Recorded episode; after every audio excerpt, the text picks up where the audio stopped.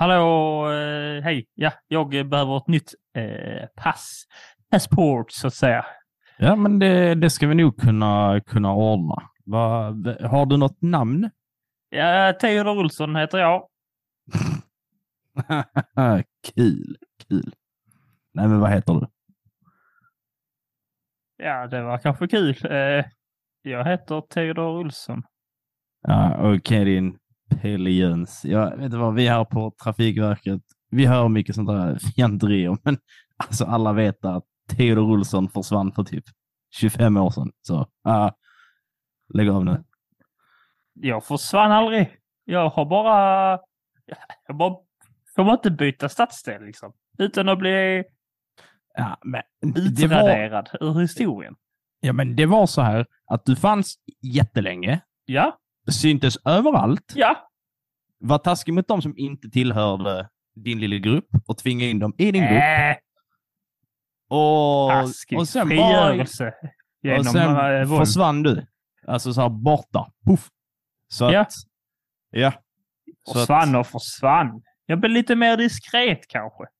Jag har flyttat sig från där, du vet, där du alltid såg mig och sånt. Jag, eh, jag har rannsakat mig själv och eh, nu eh, gör jag också fortfarande frigörelse via makt, fast på andra ställen. Eh, så du inte ska se mig. Men nu behöver jag pass så jag kan komma tillbaka. Ja. Var, var, var är du boende nu då? Ja, öst. Ja, men då så.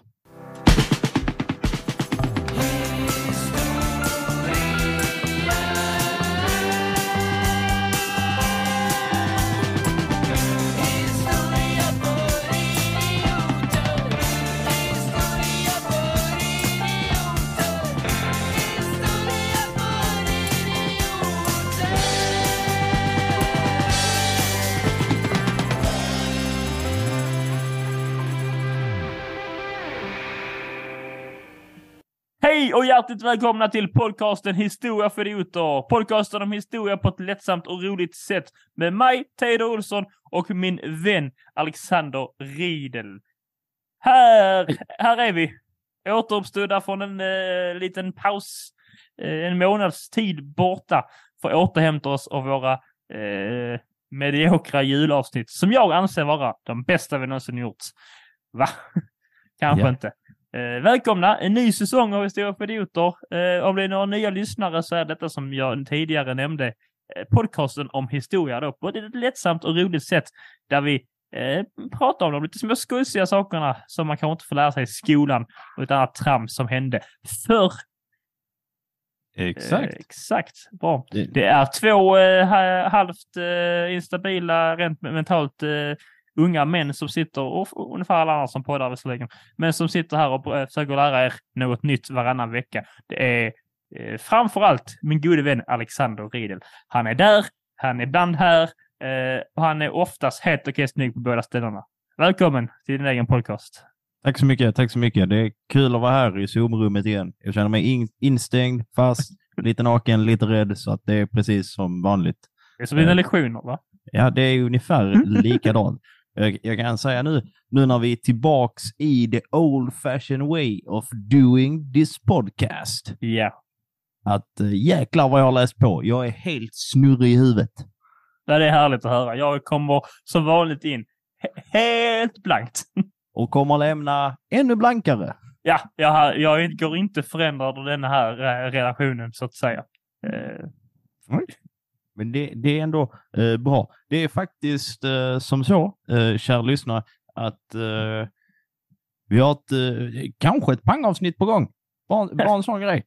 Uh, men vi, vi har också, som, det, som sagt, nu när det är lite ny, ny säsong, eller vi har egentligen bara haft lite upp, uppehåll under ja, mellandagarna och sånt där.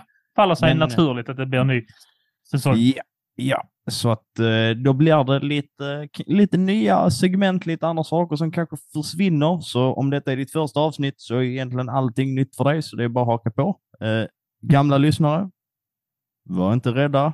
Det är fortfarande i stort sett samma sak.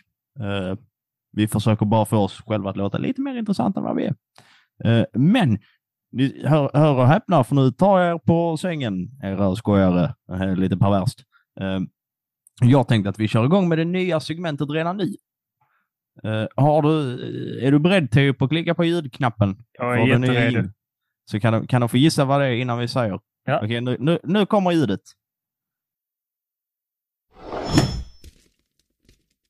Nu kan ni få gissa Ah. vad det var. Var det ljudet av en motorsågsklinga som brast eh, precis när man skulle hugga den sista vedbiten? Eller var det cykelkedjan som hoppade av i nedförsbacke så du inte kan bromsa? Ja, det väldigt lätt. Jag tyckte mest att det lät som en giljotin. Det kan förklara varför eh, ljudfilen heter det. Ja, väldigt snyggt gjort Theo. Tack. Du, du, du är duktig. Och eh, det här tänker vi att ibland, ganska ofta, egentligen varje avsnitt, så är det ju så att jag eller Theodor är ganska bittra över någonting. Där vi känner att någon, någon eller några, egenskap. De förtjänar, ja det är väldigt, väldigt fin och trevlig på det här, eh, att någon förtjänar att bli giljotinad. Eh, så tjup, av med huvudet. Ja, eh, så där får vi lite utlopp för de här idéerna och tankarna. Och eh, det är som så här att veckans giljotin eh, delas ut till eh, några riktiga internetstollar där man känner så bara, men är ni dumma i huvudet på riktigt? Alltså de borde inte ens få ha kvar sina huvuden. Eh, och det är så här att i år, ganska snart, där kommer komma ett litet så avsnitt om det ganska, inom ganska snar framtid eh, att Pink Floyds eh, album Dark Side of the Moon fyller 50 Wow. och det är ett väldigt kul Ni kan googla på omslaget så kommer ni känna igen det. Och det är då omslaget i en sån här prisma så att det kommer in liksom så här vitt ljus i en triangel och på andra sidan så kommer det ut liksom så här färger, i så här lite, lite regnbågsaktigt ser det ut. Och då har de då bytt profilbild eh, på sin Facebook-sida för att göra lite reklam så står det då 50 och så i nollan så är det liksom så här halva är med de här eh, regnbågsfärgerna, eller man ska säga. Mm. Eh, och då är folk jättearga på att nu har de Pink Floyd gått in i woke-kulturen och allting är bara liksom så här, allting är bara HBTQ Pink. Floyd har liksom, jag vet, jag vet inte, men jag misstänker att de inte uttryckt sig eh, på sociala medier typ någonsin, om det inte gäller att göra reklam. Eh, och, så, så. och så ska de bara nu säga, nej, nu ska vi med själv gå ut och stötta HBTQ från ingenstans. Ja, och jag känner så här, för att om du ändå har gått in på Facebook och gillat Pink Floyd. Pink Floyd, då har du förmodligen också hört deras mest kända platta. Då vet du också hur albumet ser ut. Mm. Hur kan man inte göra kopplingen? Jag tror känner här, kopplingen är är väldigt starkare mellan regnbåge för de här människorna då. Så ser, regn, ser en regnbåge och tänker, här är en hjärntvättad idiot som gillar att folk som bögar. Eh, och tyvärr eh, så är det väl den, den kopplingen med dem större än just att, ah, deras först, deras skiva ser ut så här. Ja, ja, men man blir lite så bara, är ni, är ni på riktigt? Det, Ja. det, det var så mycket eh, samtiden av att bara se någonting, knappt identifiera vad det är och sen bara vara arg. Så därför får de den eh, första giljotinen i den här... Eh, Det är ju sådana som går in, de går inte in på Facebook och kollar, oh, undrar vad svärmor har hittat på, undrar om hon har bakat en ny kaka. Det brukar hon skriva där får vi se vad Ann-Charlotte, hennes eh, vän från eh, lågstadiet, tycker om den kakan. Det är inte det därför han går in, eh, gissar jag, sa han. Men eh, de går ju in enbart för att hitta någonting att eh, liksom bli provocerade av. De letar i problem i sina liv. De har inga problem. Inga alls. Så de måste Ja, de- skapa. Ja, och det är ju väldigt, väldigt tråkigt för dem. Men jag tänker att vi ska börja, eh, börja närma oss kring eh, sagan om det bysantinska riket eller Rom Vilken 2.0, övergång. 2.1, Ja, någon uppdatering eller bara fortsättning. Eh, så att jag har, jag har gått till de stora anrika källorna, det vill säga en, en historiebok som finns i biblioteket där jag jobbar, eh, som heter Vår världs historia. Jag kan säga att Fint. det är lite svårt att hitta information om det bysantinska riket för att det faller eh, oftast naturligt bort eftersom att vår eh, syn på så här, västerländsk historia är ju eh, lite forntid och annat sånt som vi väldigt sällan pratar om. Och sen kommer roliga antiken med Grekland och sen Ja. kommer antiken en gång till i Rom och Ja. sen slutar det. Och sen är det ett konstigt tomrum där Ja, vi här i, här i Norden åker och voltar och odlar. Väldigt poppis på vikingatiden. Medan andra har påbörjat medeltiden och sen börjar vi med medeltiden lite senare. Eh, men där i så missar man ju att det här stora romarriket, det, det fortsatte. Och det nämns inte så jätteofta. Jag vet inte, vad, vad är din relation till det bysantinska riket? Till? Eh, utöver eh, eh, mina då historiekurser på högskolan så har har jag väl inga. Så jag visste ju om att det var, eh, som jag sa till dig när vi pratade, så det är väl, det är väl romarriket efter fallet, så att säga. Eh, För det är ju som sagt, eh, man tänker ju sig att det är ett, annat rike, men det är ju fortfarande romarriket och samma kultur eh, och samma statsskick etc. Bara att de inte är lika stora så att säga. Mm. Eh, Det är i princip som att de, eh, när de tog Eurovision Song Contest till USA, i princip samma sak, inte lika bra. Och flytta till en annan plats. När de tog Eurovision Song Contest till USA. Ja. Det är andra platser, Alexander. Jag vet inte, även väst. ja, men jag sa det. De flyttade till en annan plats. Nej, Ja, du, du hade rätt i sak. Ja, tack. Jag, jag tror du sa emot att jag hade fel. Och det, det gillar jag inte, eh, Nej. att ha fel. Eh, Eller när andra påstår att jag har fel. Jag har ju som sagt inte fel.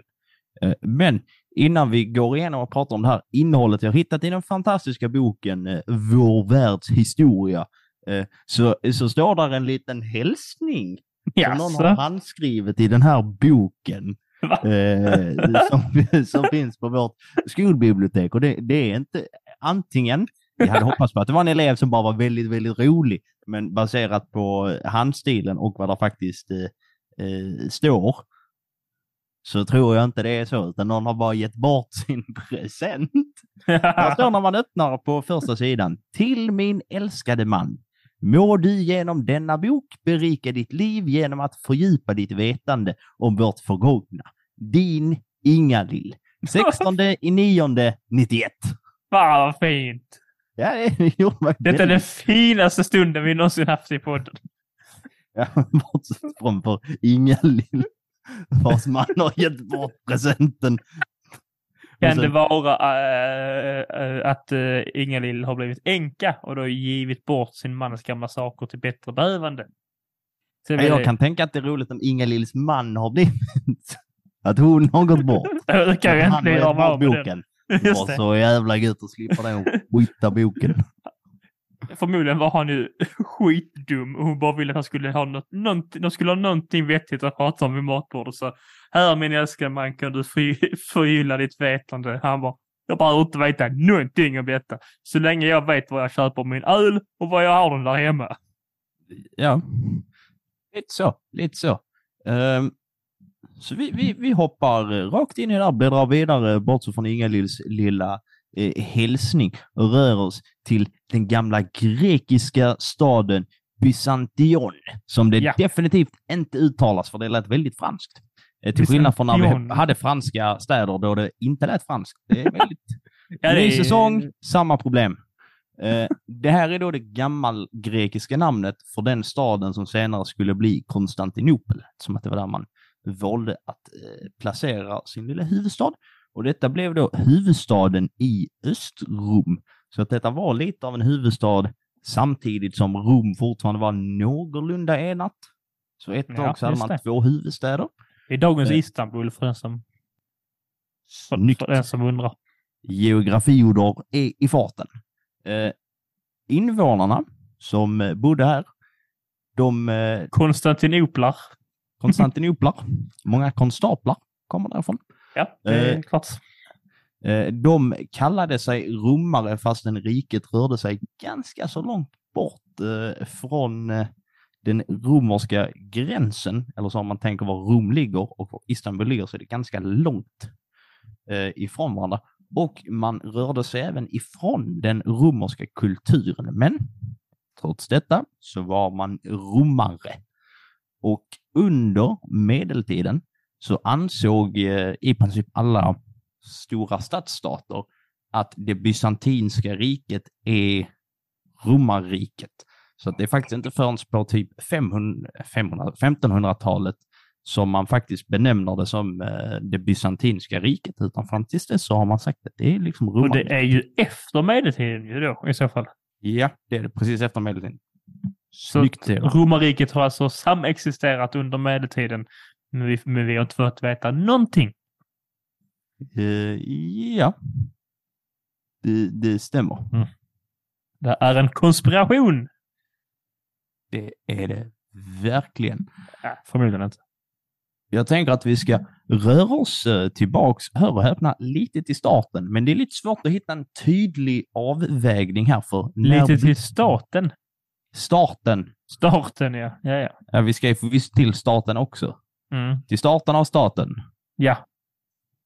Eh, där det, för att det är ju lite svårt, eh, det här med avgränsningar inom historien. Eh, lite som så här, när slutar tiden att vara medeltiden? När går Sverige in? Jag pratade med detta med min eh, sambo eh, faktiskt alldeles nyss när vi eh, åt, eh, åt middag. Eh, Just det här med att eh, till exempel då, att vi har ju medeltid i, i Sverige eh, långt efter de har medeltid eh, eh, någon annanstans. Eh, och så pratar de, men det är ju jättekrångligt då ju om man, eh, var ska vi sätta tidsgränsen, vet vi det. Så eh, pratar vi då om att det har ju snarare att göra med eh, i så fall någon form av samhällsförändring och den behöver ju inte ske samtidigt överallt. Eh, likt eh, vi just nu är, är i en samhällsförändring eh, som kanske senare eh, kommer då. Just i västvärlden sker det just nu en samhällsförändring eh, som senare kanske sker eh, i öst så att säga. Så kommer de få andra årtal när det blir som mest tydliga. Eh, och det är också svårt att hitta något, där, där finns någonting som man brukar kalla för eh, borderline events. Som är liksom så Mm. att här, så att allting innan, eller så som det senaste borderline eventet, det har lett fram till detta. Och då är det liksom så att där har vi liksom så här kanalysatorn för när den här tiden eh, går in. Så för de som tycker det är lite abstrakt och konstigt så kan man ju säga att eh, Mm. alltså själva eh, så här, eh, mellankrigstiden avslutas ganska så tydligt där i september 39 när nazisterna går in i Polen. Då är det alltså borderline event så att nu har vi, nu har hänt någonting stort som vi kan titta på och se. Nu är den tiden slut, nu har någonting nytt påbörjats. Eh, Men ibland så är det inte så enkelt. Murens fall 89 är också, kan man också se som någon form av eh, borderline event. Här avslutas något form av eh, skede. Ja, och det handlar också om gränsdragningar, så det var ju väldigt, en väldigt bra eh, exempel där. Theodor. Lysande start på säsongen. Nej, inte klokt. Kan bara Ja. gå ut för. Så att jag har försökt hitta, hitta någon form av tidig start. Och då har jag hittat att den romerska kejsaren, det här, det, det, jag ska försöka att inte säga det på det perversa sättet, men jag vill säga det. Eh, Diolektianus, Ja, det är ja. inte så det uttalas, men jag tänker säga Diolektianus. Är, är det det i Stockholm de säger att skånska är dialektanus? Dialektanus. Eh, Eh, för att vi ja, snackar så mycket röv. han tyckte att eh, romarriket var lite för stort. Eh, lite Ja. för, kommer du ihåg det ordet som vi använde väldigt, väldigt mycket i början, ett administrativt helvete. Ja, men det ihåg. Rom. Det angår Rom ganska... eh, Han myntade först. Eh, han hittar på ett eh, nytt eh, regeringssystem eh, efter, så här, under eh, 200-talet. Och detta var då efter en period av inbördeskrig och politisk instabilitet. Men som- påminn oss eh, hur, hur, eh, hur det ser ut på romarriket. Var det inte så att eh, du har ju då senaten och staten och, innan och sen kommer kejsardömet. Mhm. Eh, och sen tog de ju över olika ställen då. Ja. Och sen säger de till ena, här får du bestämma men du svarar till mig. Och så gör han nästa detsamma och sånt. Och så ledde det till att det blev lite så bråk. Ja. För att de inte... Ja. De grannarna var, alltså de tog över, men grannarna var oftast ovänner med varandra. Ja, Ja. söndra och härska och hela den biten. Ja, det var jätte eh, förklaring. Men det var lite sn- Ja, snabb genomgång. Snabbpris. precis. Eh, problemet eh, som in, innebär det är att där är ju för mycket yta och för många människor som ska svara under en person som är väldigt, väldigt långt bort, vilket gör att nyheter tar väldigt, väldigt lång tid att förflytta sig, vilket gör att beslut tar ännu längre tid. Eh, Så om man tänker dagens Istanbul och sen så ska du ha ny, frakta ny, eller föra nyheten vidare till Rom, det tar ju ganska lång tid. Ja, det tar en stund. Eh, Ja. Eh, Så att därför kommer Diolektianus eh, på det som heter tetrarkin, där man istället ska ha fyra stycken eh, kejsare i princip eh, på olika ställen över riket som alla bestämmer lite över sin egen del, Smart. eh, men ändå på något vis ska eh, samarbeta mot ett gemensamt mål. Och eh, Blir vad vi har lärt oss av historien. Vad sa du? Väldigt som en inhemsk union. Lite så. Och vad vi har lärt oss av eh, historiens kungar och kejsar och eh, shoguner och allt, det är att om det är någonting de inte kan så är det samarbeta med varandra och dela makt. Eh, så det var inte jättebra. eh, dumt, dumt beslut. Eh, så att det blir lite så här, fler administrativa enheter i samma rike. Lite trist. Och det här är då lite början på Västrum och Östrum, för det blir en väldigt eh, tydlig uppdelning och de här olika kejsarna drar åt lite olika håll av olika anledningar.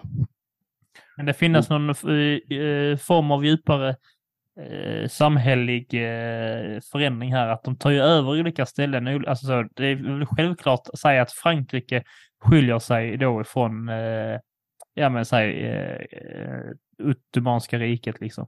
Redan sedan början på ett ganska, Turk, ja, Turkiet som Istanbul ligger lägger i. Eh, ganska rejält rent kulturellt och rent eh, ideologiskt och rent samhällsmässigt från en början och sen ska de helt plötsligt eh, existera under eh, en och samma eh, liksom paraply. Eh, och då blir det väl eh, kanske en, eh, en ganska logisk konsekvens att det här inte kommer fungera och att det kommer att eh, romarrikets styre kommer att ta sig, ta sig i eh, form på olika sätt. Ja, precis. Eh, Det är också som vi- vi nu har nämnt och pratat om tidigare, att romarriket på grund av sin storlek och att man i, i princip var hela liksom så här Europa och ganska mycket Asien och även lite Afrika, så är det ju väldigt eh, multietniskt och mångkulturellt. Och där eh, uppstår ju såklart eh, de eh, principerna. Och även om romarna var ganska duktiga på att säga, ej, var en romare, eller för smisk, så, så till slut så blev det mer så här, gör du ditt, betala skatt. Så Mm. att man tolererar ändå ganska mycket. Såklart, eh, det varierar lite beroende på vem som var kejsare just då. Folket som bodde i romarriket, de såg inte riktigt det som att det fanns två olika rum, utan de bara, ja, nu är det bara lite uppdelat, vi har lite olika kejsare, vi är fortfarande Rom. Eh, så att man tänkte inte på det så mycket, även om skillnaderna som sagt förmodligen fanns. Eh, den här tetrakrin som eh, Dialektianus hittade på, den kom att upplösas av Konstantin den store, där den här tog kontroll över hela romarriket. För vem kunde ana att det skulle bli lite tjafs om den här kejsarpositionen? Just det. Kunde- Det har aldrig hänt förut. Det har aldrig hänt förr. Det är som när de snart ska fundera på att sätta igång en till, till säsong av Paradise Hotel. Ja, det kan ju inte gå dåligt igen. De har nu lärt inte. sig efter förra våldtäkten att man gör inte sånt tv. Nu gjorde Va, de det hände igen! Nu gjorde de visserligen nytt eh, Paradise Hotel nu. Eh, som, Ja. alltså, som förmodligen moraliskt var bättre. Underhållsmässigt sämre. Eh, Just det, men jag vet inte om de reglerna får skaffa sig eh, infaller i eh, romarrikets olika styre. Men eh, Dålig moral är bra content. Det är därför han Paulaudan går så jävla starkt på nyheterna. då. Ja, just det. Eh, Konstantin grundade staden som för, till en början hette Nova Roma, även känd som Konstantinopel. På samma plats som staden Byzantium. Borde inte Nova, är inte det stjärna? Jo, Stjärnrum. ja, Wow. lite kaxigt. Lite kaxigt i den. Han hade, han hade uh, styrkuslugnen. Ja, det hade han. Eh, och han är ju känd för att han säger Hallå kristendomen. Just det. Ni Och verkar så- balla. Så ni verkar balla. Vad vad har ni för er? Så fan vad fränt med en ny religion. Den, den vill jag vara med i. Okej, okay? okej, okay? alla, så nu är vi alla kristna. Jag vet inte varför Konstantinopel blev väldigt fjollig. Får man säga. Ja, just det. Ny säsong fortfarande bärkänd av kristendomen och kyrkan. Av check. Uh, nej, kunde man, snabbt sagt bara, uh, kunde man vara fjollig på uh, romarriket? Jag tänker spontant att homosexualitet fanns ju nog inte som term då, utan man, man bonkade helt enkelt på allt och alla, uh, så att säga, utan någon som helst... Med tanke på att de gick runt i typ tåga, så känns det som att det kan varit nära till hands. Det, jag vill jo, men, att det var så. Och då, och då tänker jag då, alltså var ju inte homosexualitet eller heter, alltså någon form av, av, eh, av termer som uppstod liksom, så att de, de har bara bonkat på. Eh, mm. För att det eh, gjorde man om man fick chansen, I guess. Det var en annan eh, syn på eh, sexualitet då. Eh, och då kan man då eh, indirekt inte vara eh, fjollig då antar jag, som det är ett skällsord för att man är stereotypiskt homosexuell. Fick, ja, det var det ska jag skriva en doktorant om. Ja. Eh, Romerska kejsare kan inte vara fjolliga. Punkt. Och detta gör han alltså under, under 300-talet. Och här blir också Konstantinopel lite så romarrikets huvudstad istället för Rom. Och det är då ett tecken på att eh, Italiens ekonomiska och sociala förfall, liksom att det som vi benämner som romarriket, börjar dippa ganska eh, rejält. Däremot så dippar ju också hela eh, imperiet, sig, eller riket i sig, eh, för att efter Konstantins död så splittras, eh, så alltså delas riket i lite grann och sen så eh, går det ihop igen. Och sen så går det i sönder igen och sen så går det ihop igen. Det, det är väldigt mycket den eh, biten som eh, går ihop här att kejsare förlorar makten, sen tar de mer makt och mer yta, mindre yta. Det ena och det andra.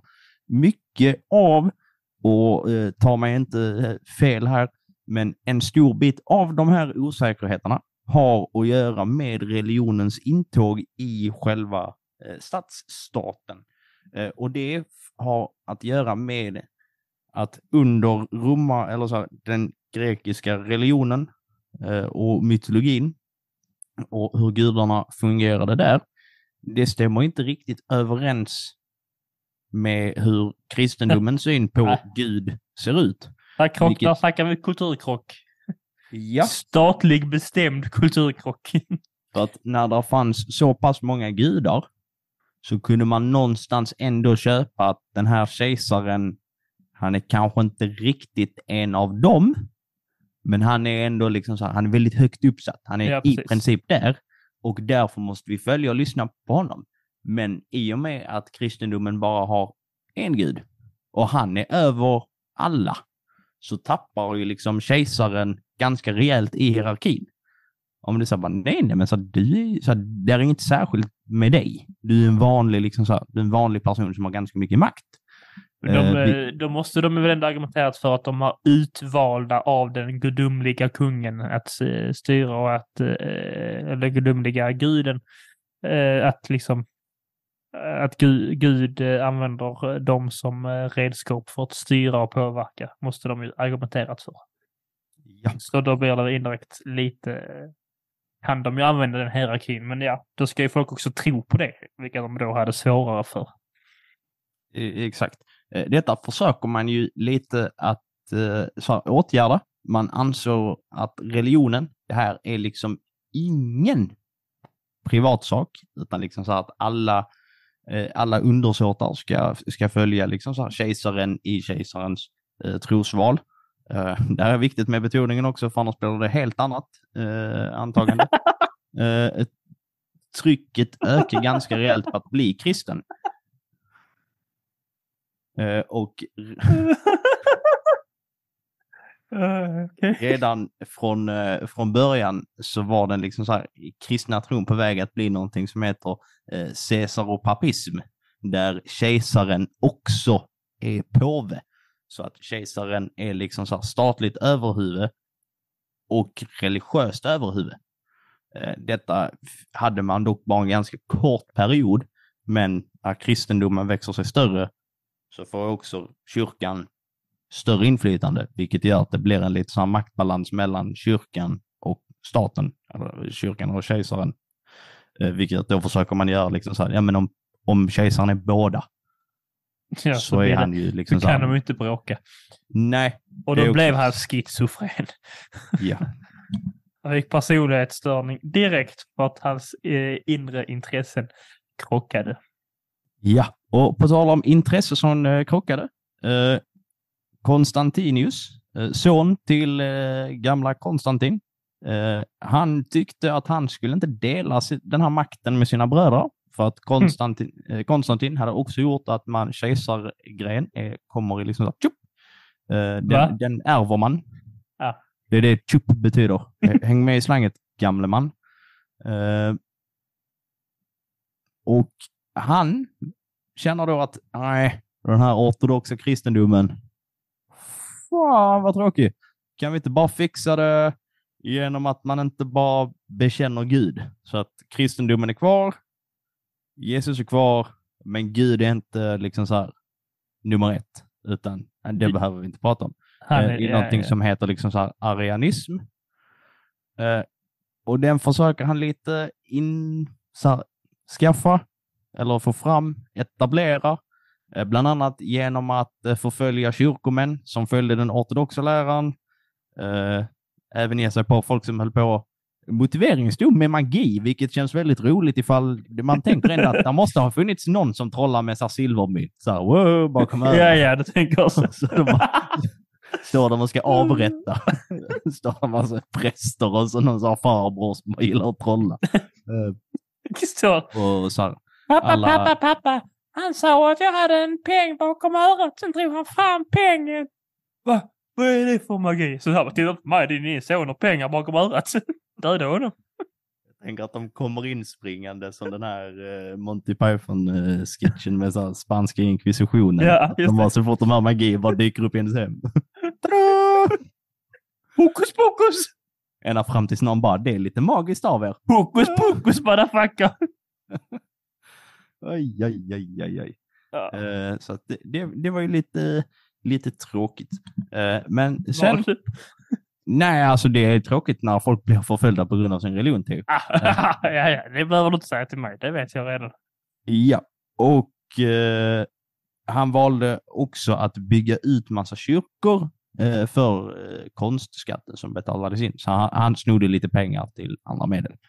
Eh, sen till slut så försvinner eh, Konstantinus för att folk dör. Eh, och sen, kom, sen kommer nästa. Det här, är ett, det här är ett väldigt perverst avsnitt. Vet du vad nästa kejsare heter? Dickus eh, biggus. Inte riktigt. Eh, man kan ju säga Julianus, men det stavas jul i anus. Nej. ja, vad, vad säger faktan här? Julianus. Ja, ja. Han, han tycker lite att, uh, så här, nej, så här, vi, vi är ute på helt fel spår alltså. Han är kanske lite så här, uh, Byzantins motsvarighet till, inte, Jimmie Åkesson, att han är väldigt konservativ. Eh, han tycker att det är liksom så här, vi ska gå tillbaka till den gamla romerska Mm. kulturen och religionen. Eh, det är så här, make Rome great again. Lite den inställningen. Han försökte, här, han var dessutom utbildad i Aten. Så att han hade ju med sig de Vad hette han sa du? Eh, Julianus. Julianus. Det är, där har vi ett förslag till dig Jimmy också om du lyssnar till ett nytt Twitter-handle. Eh, det ny, Sveriges svar på Julianus. Jag tror inte de, jag vet inte om de har så många, jo okej det har han kanske. Uh, jo det har han. Eh, han. Han försökte skicka ur kyrkans män ur skolorna, ur den högre byråkratin, för han trodde inte på kristendomen eller de kristna. Eh, han drog också in privilegier för kristendomen och gynnade istället judendomen. Uh, gick sådär. Rent, Eh, han, fräscht rent historiskt ändå va? ja, det, det får man ändå säga. Det är inte ofta det är på det hållet. Han, eh, han, han är så. Han, det är som att heja på, eh, nej ska inte dra den liknelsen mellan judendom och Tottenham. Men jag tänkte säga att det är, Han då- Jesus. ja Jesus är säkert inblandade i båda. Ja. Eh, Men eh, att man behöver då, man väljer the underdog så att säga. Eh, Och går inte direkt och väljer vinnande laget för det är man ju lite töntig. Ja, ja, ja, ja, du tänker så. Ja, men det, det är ändå en rimlig liknelse. Eh, till slut så dör Julianus eh, av Spikianus. Nej, eh, Han dör, dör i ett fälttåg mot eh, perserna. Men, ehm, och, och efter att han dör så kommer ännu fler nya så här riksindelningar och splittring mellan kejsaren i Västrom och Östrum. varav de i Östrum, de kör mer på den här arianismen av att ja men Gud är kanske inte riktigt den grejen. Så här, kristendomen funkar, Gud, nej, det köper vi inte. Eh, vilket är en enorm eh, spricka. Alltså om man bara tänker liksom mellan katoliker och eh, protestanter. Ja. Där är det ändå så att där är ga- väsentliga skillnader. Men det är ju inte lika stort som att den ena delen bara, han som ni har byggt upp allting kring, nej, Skit i han. Det i vår kristendom, nej. Det är bara ljug. Eh, på 390-talet så kommer där en ny man med en ny liten eh, syn på kristendomen. Theodosius. Ah, vänta, hans namn betyder. Det betyder Gud. Och då är ju frågan vad Nu är du ödmjuk igen va? Men det gör ju det. Eh, på grekiska. Ja. Och då... Vad betyder dosius? Eh, eh, Jag Mm. tänker på det engelska ordet doofus. Gud är dum. Gudaktig fåntratt. Vad, vad, vi kan säga, vi kan säga vad hans syn på kristendomen var och sen kan vi avgöra vad det betyder. Ja. Eh, han satsade allting på den nisianska kristendomstolkningen. Eh, och det är då att Jesus är både sann Gud och sann människa. Och när man försöker instifta detta så är det bästa sättet att sprida sin religion och göra den till den godkända eller tolererbara, det är att göra sig av med alla som inte håller med. Så då börjar man förfölja de här arianisterna och eh, alla som håller på med någon form av hednisk kult, det förbjöds helt. Och från den punkten så får man ändå liksom så se eh, att Rom som koncept och rike är liksom så här, de har många konstiga inriktningar inom kristendomen och lite olika tankar, men det är i alla fall kristet. Ja. Så att från 390 och eh, Theodosius så är det liksom eh, Kristus. Eh, så att eh, så är det. Theodosius. Du som är två, T som är Gud. Gud i, i två är inte rätt. Gud i en är det det han tror, tror ju. Eller ja, Mm. Gud i halv snarare. Ja. Nej, det var Eh. inte. Vi får ta reda på det i efterhand. Som Ja. allt annat. I Östrum så skedde en utveckling som innebar att kyrkan och staten fick lika stor makt. Och när de statliga liksom, så här, arbetena togs upp av biskopar och annat högt uppsatt inom kyrkan.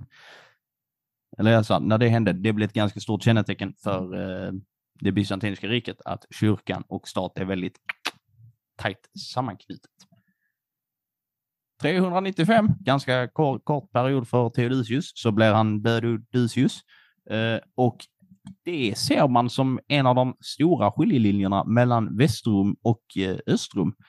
Att nu är det kanske lite ett sånt här borderline events. Eh, det trodde man ju inte riktigt på den tiden. Nej, det brukar man inte se från i efterhand. Exakt. Och eftersom att man själv hade som ideal och liksom mål om att det här är fortfarande ett rum. Eh, Men verkligheten såg inte ut så.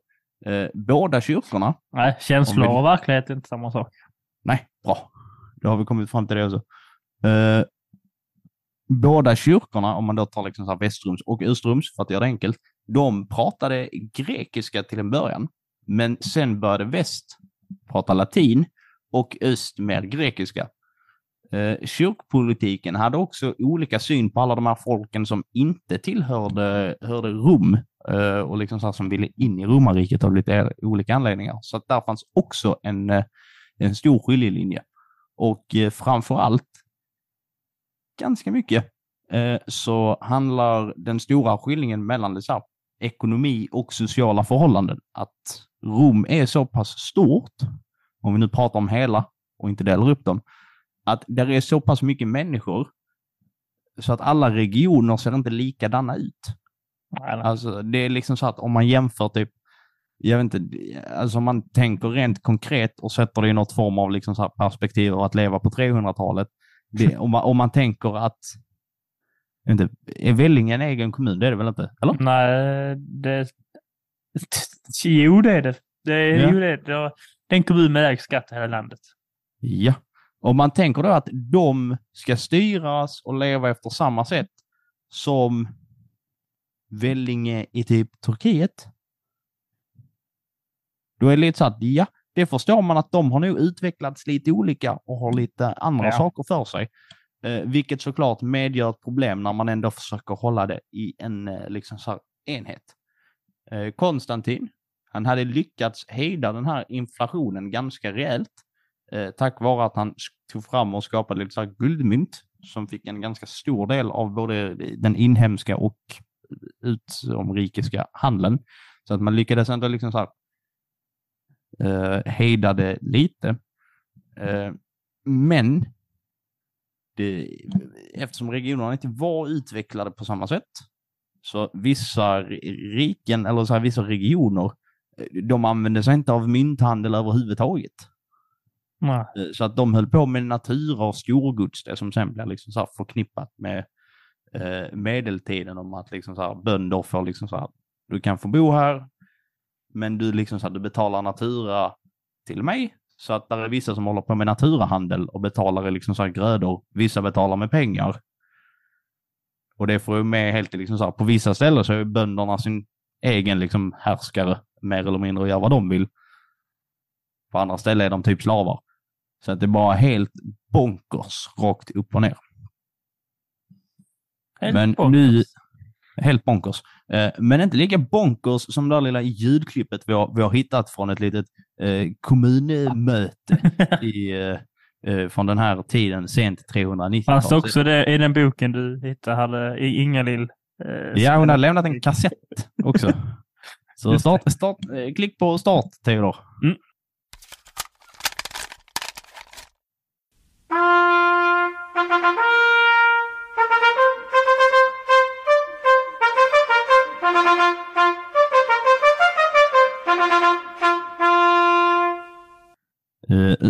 Så jag alla regionsherrar som har lyckats ta sig hit. Det tog, tog väldigt lång tid för några att komma hit. Ja, ja, ja, ja, Kollektivtrafiken ja, ja, eh, det- är inte så Mm, ja, ja. jättebra här. Eh, Men ni vet, alla vägar leder till Rom. Woho!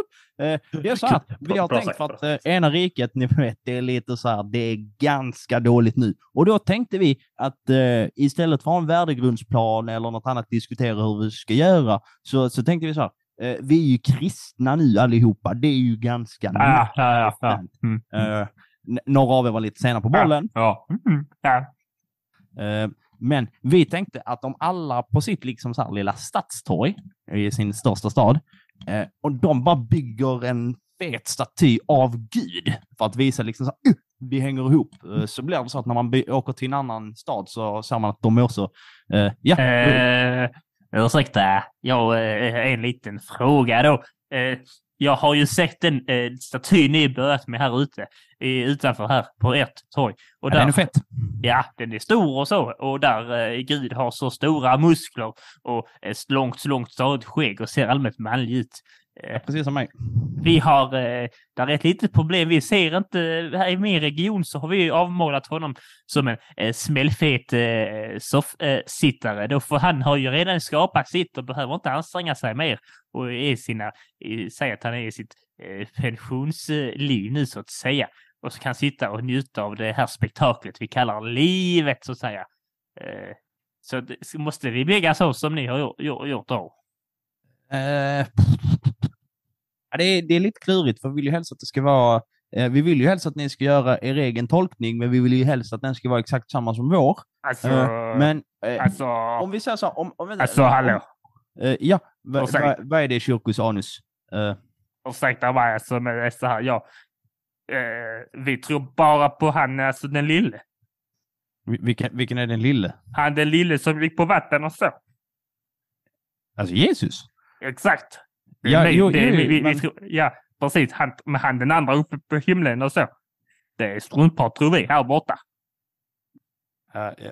Vi är ändå kristna. Alltså, du och jag är kristna samma, men du har fel, jag har rätt. Eller är det, jag vet inte. Ska jag ha, kan, kan vi ha Jesus istället liksom? Nej, men du, nu, nu, nu fallerar tanken lite här. Tanken är att, det ska, att ni ska göra det självständigt, men det ska ju vara exakt samma.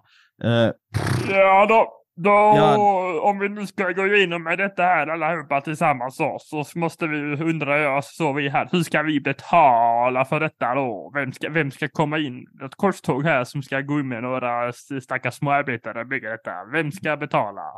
Ja, men det gör ju allihopa. Alltså, vi skickar ut, eh, vi skickar ut han Drygus Skattus eh, med hans stora pengapåse och sen så lägger ni typ vars 75 guldmynt i pengapåsen och sen så kommer det tillbaka till så fixar vi det. Så Ja, har jag ett litet eh, ytterligare dilemma. ja, va- vad, är- vad är Vad, är, vad eh, gör ni med de här guldmynten? Varför, alltså- är- det, ska, varför ska vi lämna in våra hals... Vi har gjort halsband av dem. Varför ska ni göra om? Vänta, har, har du gjort halsband av pengarna? Vi har, ju, Ja. vi, vi har ju tryckt upp och gjort pengar så att vi skulle i alla fall ha en gemensam valuta som alla Ja. kan använda som betyder lika mycket, som funkar över hela... Och nu, va- varför gör ni halsband? Hur betalar ni? Vi använder uh, valutfisk. Lutfi... Nej men, Nej, nej. Valutfisk. valut... Nej. Nej men herregud, Nej. på riktigt. Det funkar jättebra för oss. Vi löser tjänsten och så får man varsin fjäder. Och så går man hem och äter den. Och så nästa dag gör vi nya tjänster för nya fjädrar. Ehm. Ja. Okej, Men... Ja men de vi ska betala, de, de ville ju ha eh, kontanter. De ville ju... Gud. Ska vi bara skita i detta? Vi lägger ner. Gör, gör vad ni vill. Eh, ni får pengarna tillbaka. Du, du, du din sista, du, du får varma fiskar någon gång. Stekta eller vad, vad man nu säger. Helst kallt. Nej, det får du inte. Ha, ha, ha det Kall skit. fisk.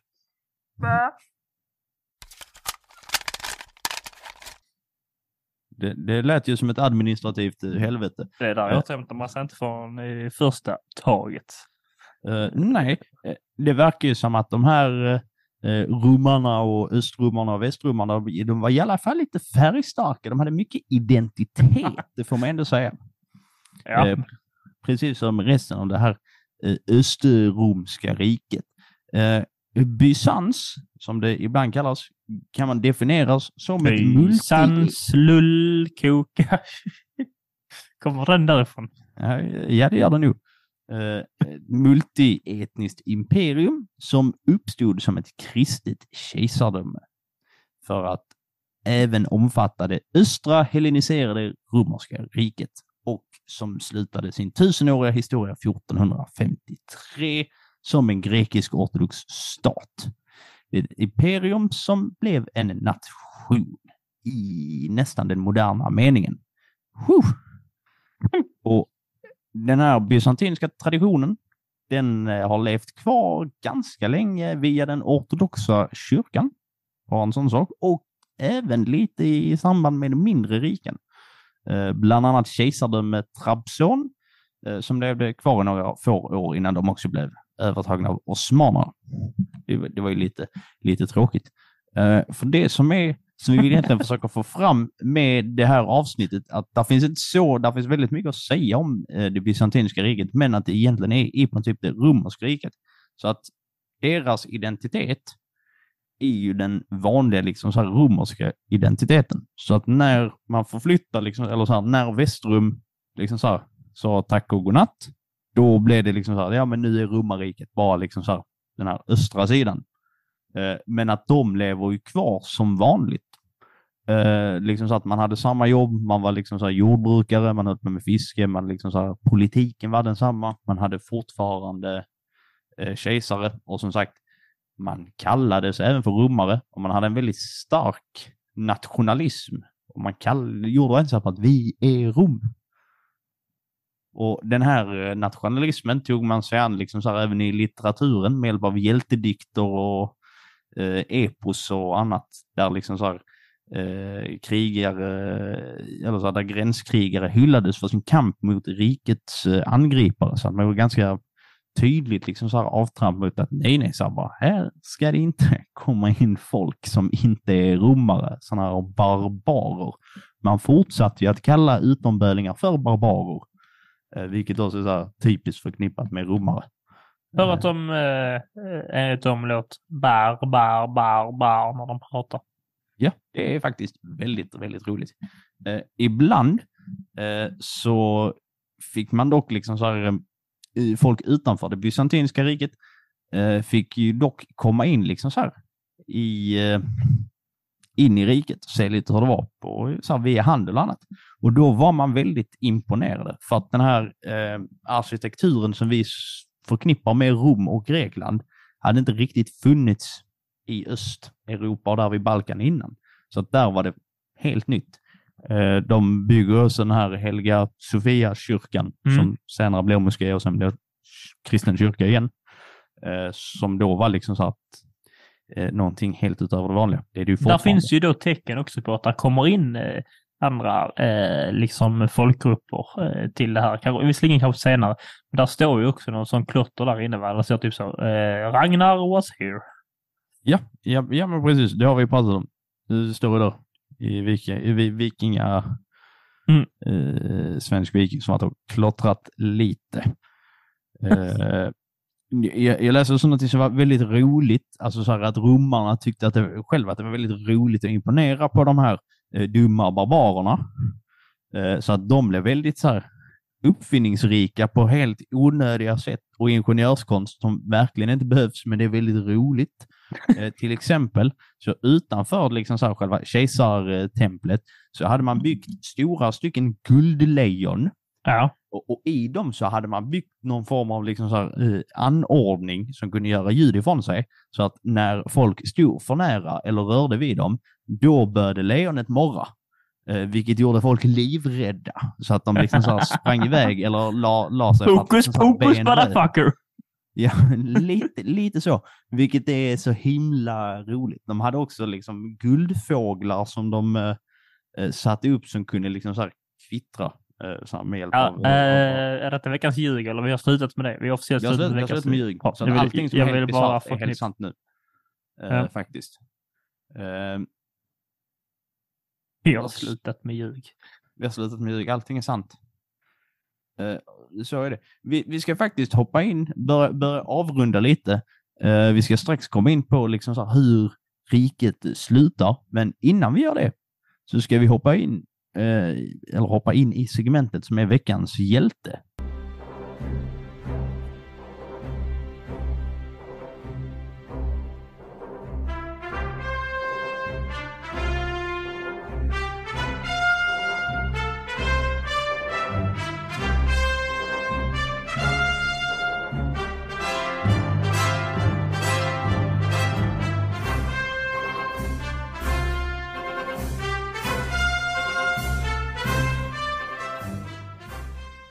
Ja, veckans hjälte är då eh, segmentet där vi pratar om någon eh, under den här tidsepoken eh, som har då gjort någonting hjältemodigt. Det behöver inte vara hjältemodigt på ett sätt och reellt liv. Det kan också vara att han gjort någonting skojsigt och tramsigt som ändå uppmuntrar till glädje för oss i nutiden.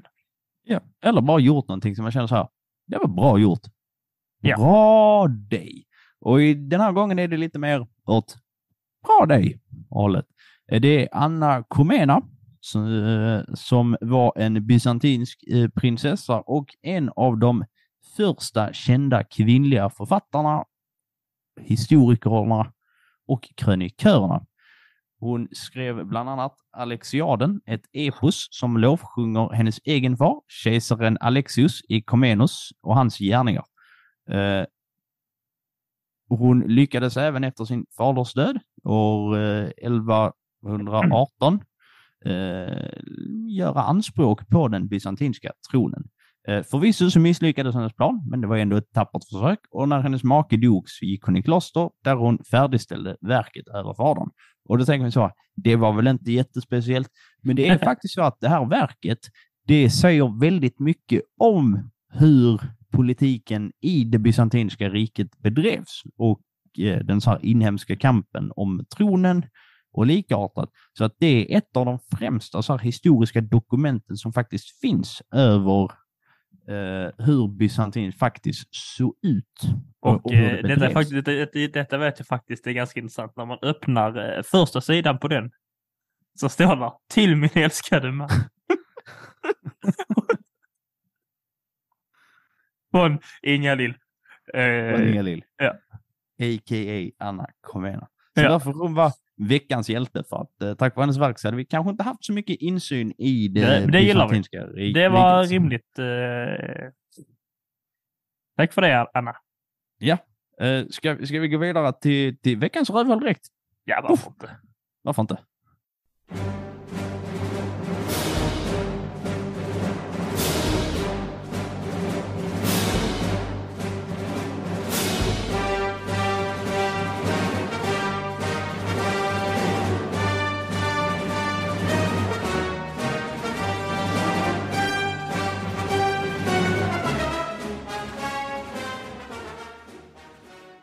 Det, detta cement för, cement för er nyinkomna. Detta är då, handlar enbart om Jocke och Jonna. Nej, men det handlar alltså om någon i historien som varit lite rödhål då. Eh, Man kan säga motsatsen till veckans hjälte. Eh, kanske raderat en historiebok kanske, kan man säga. Ja. Eller någon som bara i- Det, det är en sån eh, oklar distinktion, för emellan så kan det ju någon som bara förstör. Det kan ju ibland också vara lite roligt för att det är lite charmigt. Han var så bara, hur kan du misslyckas så mycket?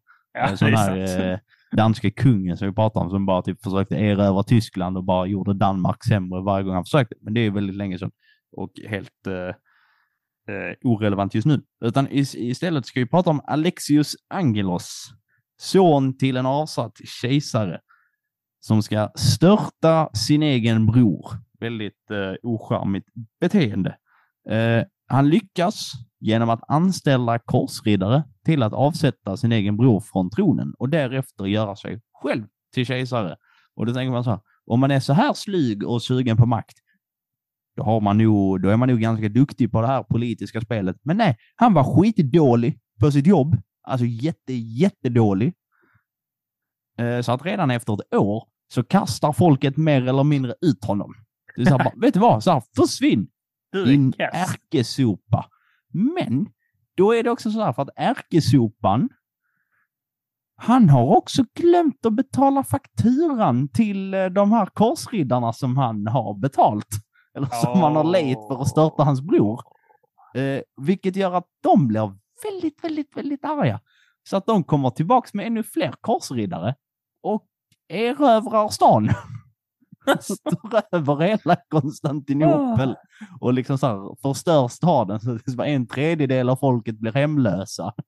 Jag tänker att han har varit med i den tidens Lyxfällan. Ja. Det kommer in någon där och bara så, men du kan inte, vad är detta här? Vad är detta? Vad hette han sa du? Alexandros? Alexius Angelos. Ja, Hal- Angelus. Du kan ju inte, du förstår väl att du inte kan ta sms-lån för att störta din bror när du inte har en inkomst.